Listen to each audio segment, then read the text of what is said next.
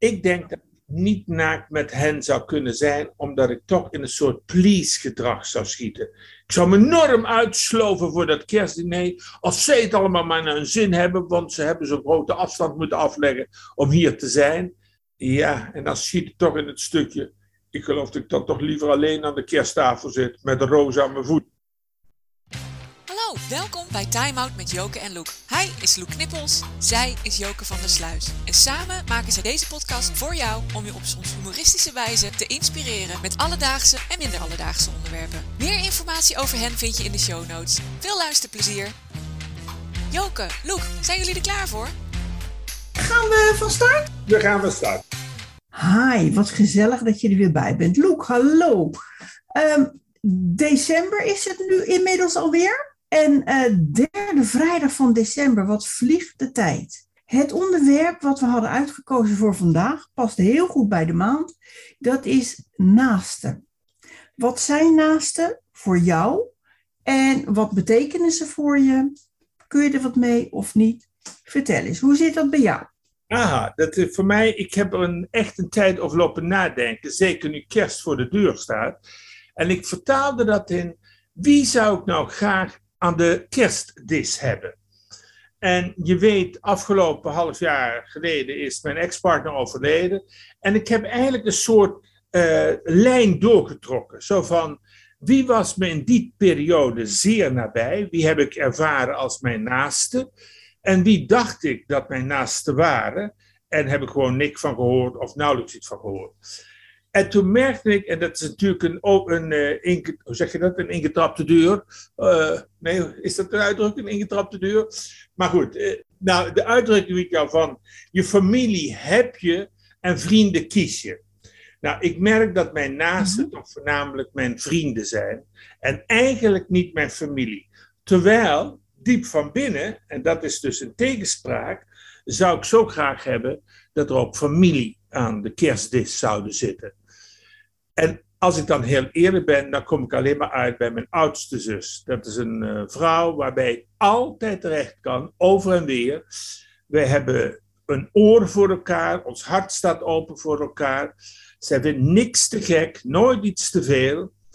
En, maar ik kom wel uit een gezin van tien kinderen, dus dan is het toch wel een beetje schrale troost dat je van die tien eigenlijk maar één uitkiest.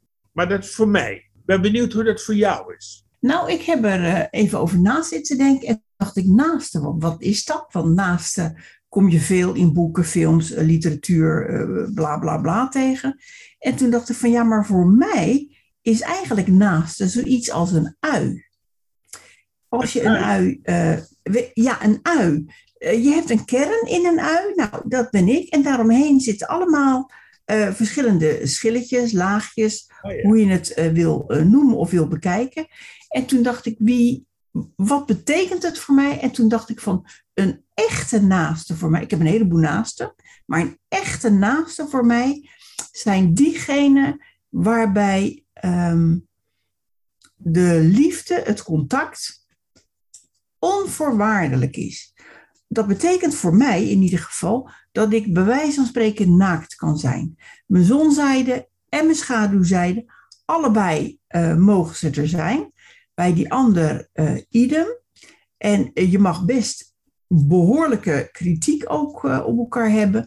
Maar toch kom je altijd weer bij elkaar, omdat je een, blijkbaar een enorm stevig en diep fundament, fundament uh, hoe heet zo'n ding, wat uit de baarmoeder komt, waarmee je verbonden bent, ook met je kinderen.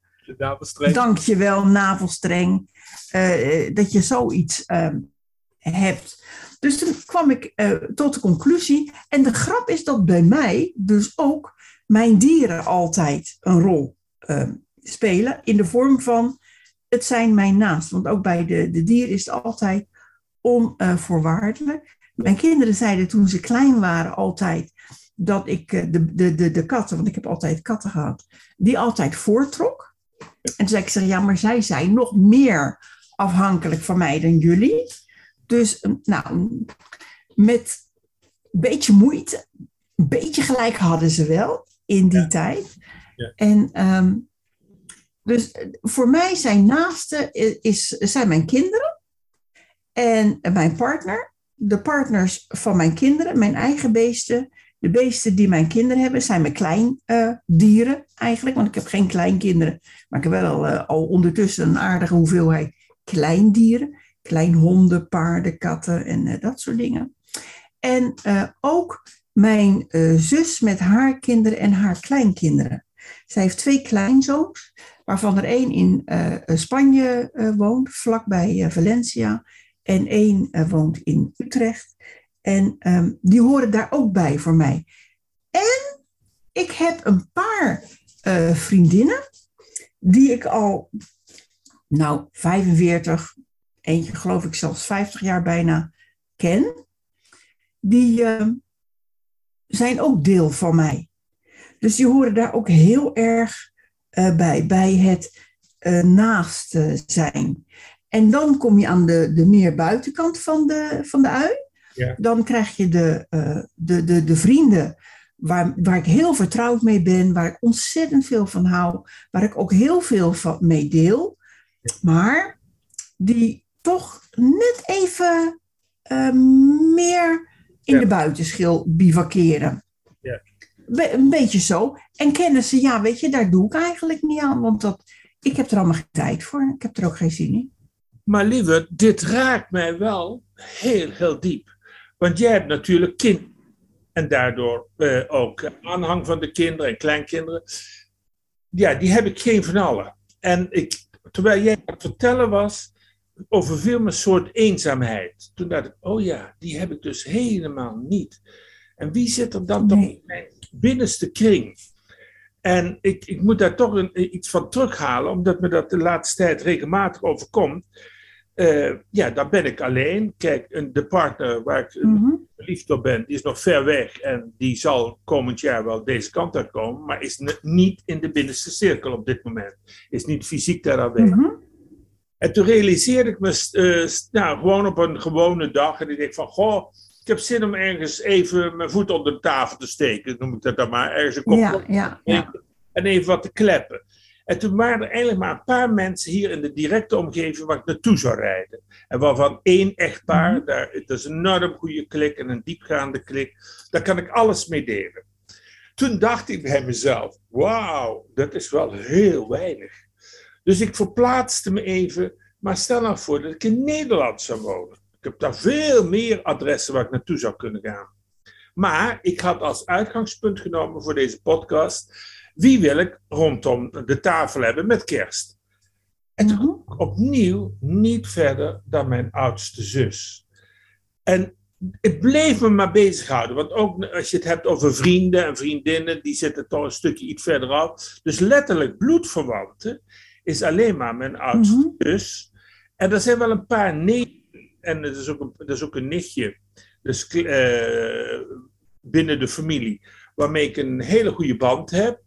Maar dat is toch niet een band waarbij ik zeg, god, die zou ik rondom die tafel willen hebben, want ja, die hebben partners. En ik kan niet zeggen dat het helemaal klikt met die partners. Het klikt, klikt wel met mijn Oké, okay, ja, ja. Dus dat, soms kan dat een stoorzender zijn, hè? Ja, dat ja. is iets gemaakt, gekunsteld. En toen werd ik werkelijk teruggefloten van, Godverdorie, wat gebeurt er in mij? Het zijn dus eigenlijk mm -hmm. nog maar een heel klein groepje. Ja, ik kan ze binnen één hand tellen. Die ik om de tafel zou willen hebben. En dan is de vraag: kan ik, die, kan ik die om de tafel hebben? Want er zijn best wel een paar vrienden en vriendinnen die het heel leuk zouden vinden. Maar ik weet dan, en dat was daarvoor zo raak wat jij zei, het gevoel dat je naakt met hun kunt zijn. Ik denk mm -hmm niet naakt met hen zou kunnen zijn, omdat ik toch in een soort please-gedrag zou schieten. Ik zou me enorm uitsloven voor dat kerstdiner, als zij het allemaal maar naar hun zin hebben, want ze hebben zo'n grote afstand moeten afleggen om hier te zijn. Ja, en dan schiet ik toch in het stukje. Ik geloof dat ik dan toch liever alleen aan de kersttafel zit, met een roos aan mijn voet. Wat jammer, Loek, want als het goed is, dan uh, komen mensen voor jou. Ja. En zijn zij net zo verantwoordelijk voor de relatie als jij? Niet meer, niet minder. Helemaal niks. Ja, maar dat... Misschien is het ook een verschil dat, eh, ehm, kijk, ik heb natuurlijk die helder eh, toestand. Ja. Dus ehm, ik bel bijvoorbeeld heel erg veel. Ja. En dan eh, meestal telefoneer ik met mijn ogen dicht en ik zit dan bij iemand. Ik eh, weet bijna eh, welke grimas die trekt en hoe zijn ogen staan, of haar ogen of whatever. Soms maak ik daar ook een opmerking over. Dus voor mij maakt eh, niet altijd fysieke nabijheid, is niet voor mij niet altijd in die zin noodzakelijk. Vorig jaar met corona, toen we hebben traditie in ons eigen gezin om het ouderwetse Sinterklaasfeest met elkaar te vieren, met loodjes, bla bla bla. Nou, vorig jaar konden we niet eh, bij elkaar komen. Ik ben eh, behoorlijk longpatiënt, dus dat was eh, best wel een beetje risico, dus dat, dat kon niet. Wat hebben we toen gedaan? Toen heeft mijn zoon, dat is een heel technische figuur, geregeld dat we via Zoom, dus hoe wij nu eigenlijk de podcast altijd opnemen, Ja. Sinterklaas vierden. En de grap was dat ik met mijn partner tegenover de kleine tafel zat. En de laptop op het kleine tafeltje. En de kinderen, die zaten dus met z'n vieren naast elkaar. Het leek net alsof ze dus op de bank zaten. Oh, ja. En het was eigenlijk, ja, bijna zoals het altijd Maar er was dus een grote intimiteit en nabijheid op dat moment. Absoluut. Ja, ja. Heel mooi. Ja, ik denk, het is ook een stukje in mij hoor. Want ik, eh, terwijl we het erover hebben, denk van oei, eh, ben ik dan zo'n gecompliceerde persoonlijkheid? Eh, want als mensen dan hier komen, dan heb ik altijd zo'n soort stemmetje in mijn achterhoofd. Ze hebben al zo'n grote afstand afgelegd, dus laat ik ze nu verwennen. Dus ik neem dan dat deel op me. En misschien. Heb je ooit gevraagd of ze dat willen? Dat is een hele goede vraag. Dat heb ik nooit gevraagd. Want ze vinden het zo. Nee, van- weet je, ik heb, Ja, Er is een periode geweest, dat ik het, eh, eh, laat, laat ik het formuleren als niet breed had. ja, Dan eh, zeiden vrienden bijvoorbeeld van, nou, we willen graag met je afspreken.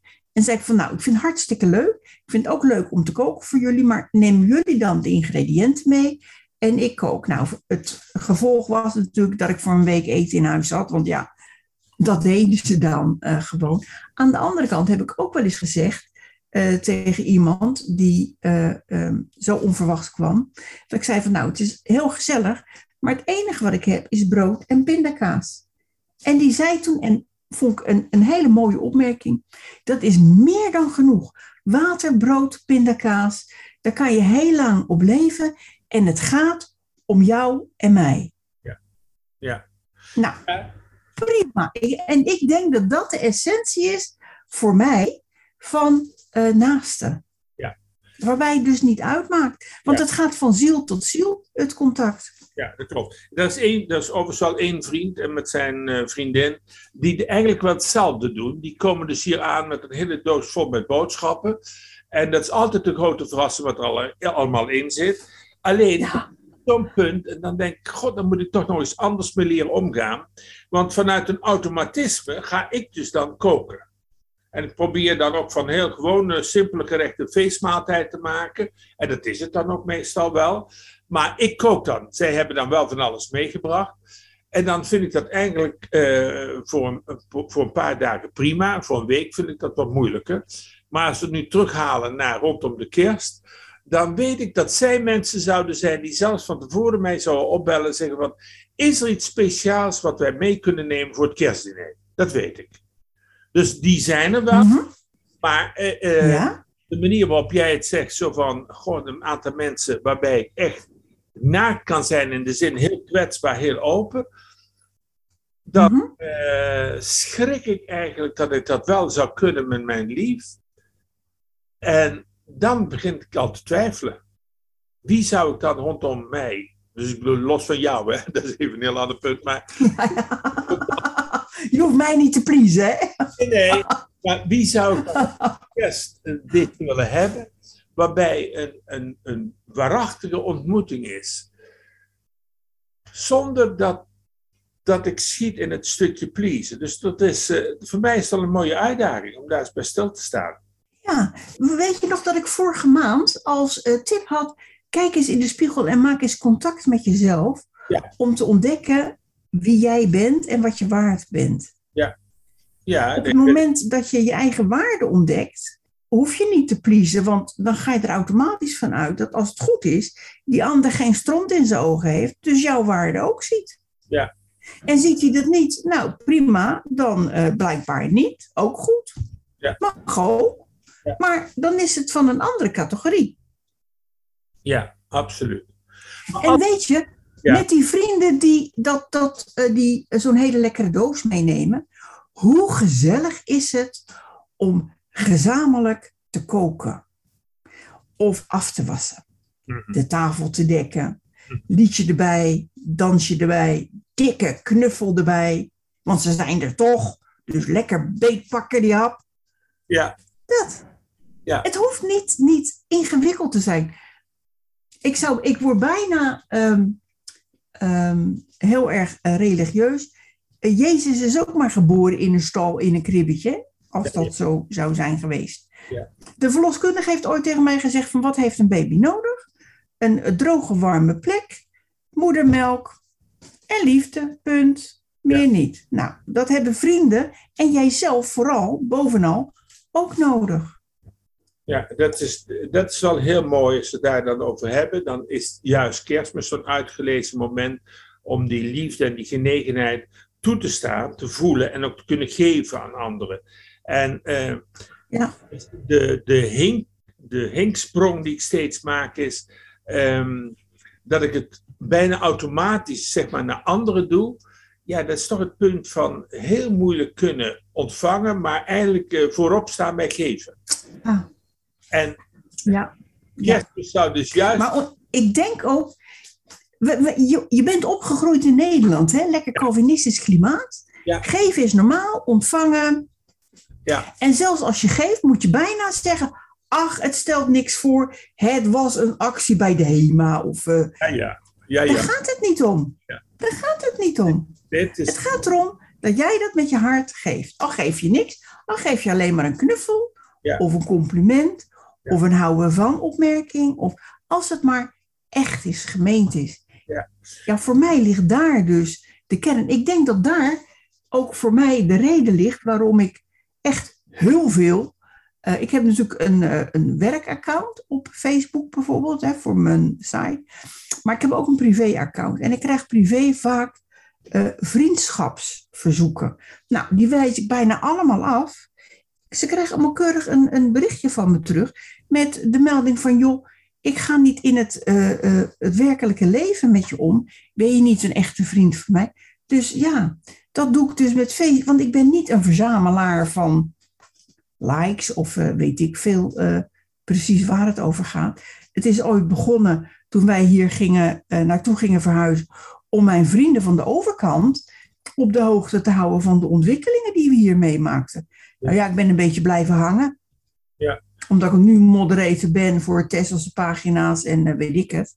Ja. Maar nee, ik, ik verzamel geen fake vrienden. Nee, het is echt of niet. ja, nou, maar dat vind ik wel heel bijzonder. Eh, ik heb destijds de Facebookpagina, die was dus eigenlijk echt voor het bedrijf dat ik me aangemaakt heb. Dus er waren, er waren er ook Mhm. één op de naam Loek Knippers en één op het IAC. En daarbij werd Mhm. tegen mij gezegd: zorg ervoor dus dat je connecties legt. Het gevolg was dat dat helemaal door elkaar ging lopen, want op Ja. eh, Facebook deelde ik toch meer wat me echt bezig hield dan op de zakelijke site. En dan zag ik een Tuurlijk. Ja. Oh, interessant noem maar op. En nu laatst zat ik te denken, goh, wie ken ik nou van die mensen? En nu, eh, binnenkort komt er iemand die ik via Facebook heb leren kennen. En die is op weg naar zijn ouders Mhm. in Spanje. En die zegt van, goh, we hebben zoveel gedeeld dan met elkaar. We hebben elkaar fysiek nog nooit Ja. ontmoet.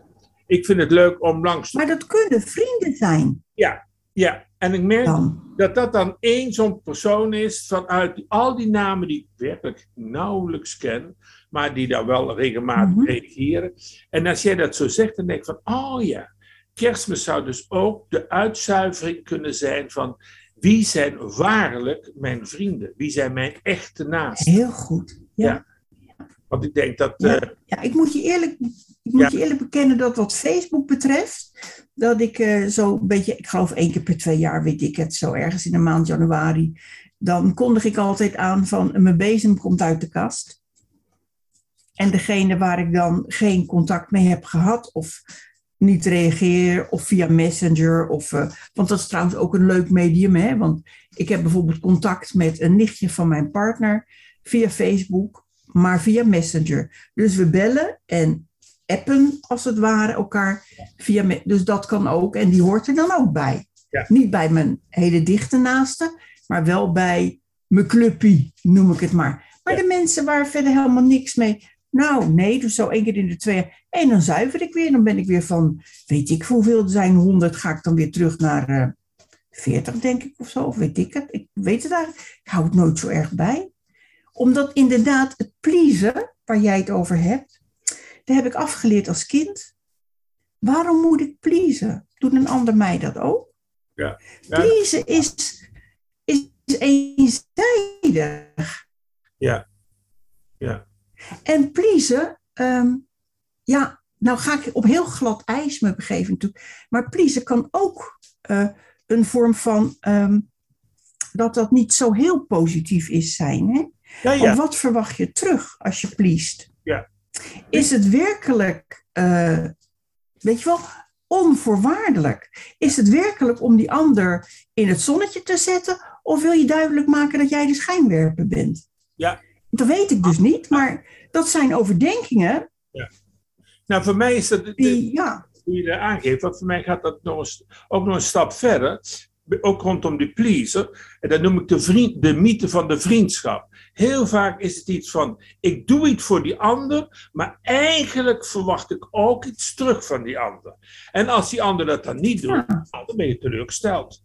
Nou, en dus dat is één kant. Dat is één kant van die mythe. De andere kant van de mythe is dat je het idee hebt dat zogenaamd goede vrienden, dat die paranormaal moeten zijn. Dat die aan moeten voelen.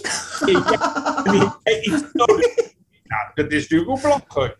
L- Laat nou, ik, maar een deel van mijn werk is helderziend. Hè? Maar ik zeg tegen vrienden regelmatig, denk Lison dat ik helderziend ben. Oh ja, dat is een goeie. Het is echt heel grappig dit. Ja. Maar, dus, maar het Ja. klopt dus, als je Leuk. het mythe van die vriendschap of gewoon de, de, het please-gedrag doortrekt, dan kan het ook een vorm van manipulatie zijn. Hè? Want ik zie dat bij mezelf Ja. ook hoor. Klopt. dat je de ander eh, eh, het naar de zin maakt, omdat er diep van binnen, ergens ver weg, waar je nog niet naar hebt durft te kijken, toch iets zit van, Ja, ja, maar eh, misschien heb ik die straks nog nodig voor het een of het ander. En dus dat je om die reden ja. de ander, ja, aardig bent naar de ander. Maar goh, we hebben dus veel uit, nou laat ik vooral voor mezelf praten, ik heb veel uit te zuiveren rondom de, kerst- rondom de kerstdagen. Het wordt een drukke kerstboom. Ja, ik, maar ik vind het wel een... We- we- weet je dat mijn kinderen toen ze klein waren altijd scheidsziek van mij werden? Trouwens nog wel eens hoor. Dan krijg ik een hele diepe zucht terug. Want dan zeg ik altijd, dat zei ik toen bijna elke dag. En tegenwoordig eh, regelmatig als ik ze aan de telefoon heb of ik app het ineens. Van heb ik jou het allerbelangrijkste van vandaag al gezegd? Nou, vroeger stonken ze erin. Dan zei ze van, oh, wat dan, wat dan? En dan zei ik altijd dat ik ongelooflijk veel van je hou. En nu krijg ik dan een hele diepe zucht. Ja, mam, dat weet ik. En dan zeg ik, ja, maar het is heel belangrijk om het te blijven benoemen. Want niets is zo veranderlijk als een mens. Ja. En relaties, of het nou met je kinderen, je partner, of met weet ik van wie of wat is. Het is altijd eh, een werkwoord. Ja, het Je moet er altijd ja, je moet er iets eh, in investeren. Absoluut. een vriend. Ja, Goh, maar we Ja. hebben dus eh, een mooie periode tegemoet en we hebben wat te doen met kerst. Heb je nog een. want, oh ja, wacht even, Loek, we zijn er aan toe, hè? Ja, Het is een beetje tijd. De tip. ja ik, ik had echt een hele goede tip, maar alleen vervelend is, ik heb het boek blijkbaar uitgeleend, maar ik weet nog wel de schrijfster. Annemarie van de Erebeemt. Die is eh, in Nederland een beetje bekend als uh, psycholoog die heel veel geschreven heeft over families en over gezinsrituelen. Ook onder andere over kerstmis. En ik vond destijds dat een ontwapenend boek. Dus, maar ik weet helaas de titel niet. Maar ik weet als mensen gaan zoeken naar, op haar naam. dat ze volop artikelen over, van haar vinden. die allemaal gaan over familie, familietradities, je naaste. En er zit ook wel een klein christelijk ondertoontje bij. dat je je familie dus niet kunt verloochenen. Terwijl ik dus dat, zoals je in het begin van het verhaal hoorde. nou niet verloochenen, maar ik zette ze, ik op een grote afstand. Behalve dan mijn oudste Mhm, mhm. Nou, dat was eigenlijk tip. Nou, de, de grap is wel dat eh, de, de, met meestal zo eind van het jaar hebben mensen soms wat meer vrije tijd. Kunnen ze leuk gaan zoeken en googelen. Hebben ze wat uh, te doen, leuk. Dank je. Ja, ik heb eigenlijk een hele simplistische tip is. En dat is uh, dat als je met meer dan alleen jezelf aan tafel zit, met kerst, oud en nieuw of wanneer ook, pak eens elkaars hand, maak een cirkel en kijk elkaar individueel is echt aan en zeg oprecht wat je voelt, wat die ander voor jou betekent. Zit je alleen aan de kerstdis of aan een gezellig etentje of whatever, heb je lekker voor jezelf gekookt en jezelf op waarde geschat? Zet een spiegel voor je neer en kijk jezelf aan en zeg het tegen jezelf. Want jij bent er ook. Dat dus. Ik wens iedereen een zalig kerstfeest. En voor over een tijdje alvast een hele goede jaarwisseling. Blijf vooral gezond. En volgend jaar alle vrede, liefde en geluk. Mooi. Ik kan me er helemaal bij aansluiten. Ik hoop ook voor iedereen dat ze een fantastische mooie eindtijd tegemoet gaan van dit jaar. Dankjewel. Tot eh, de volgende keer. Tot de volgende keer weer.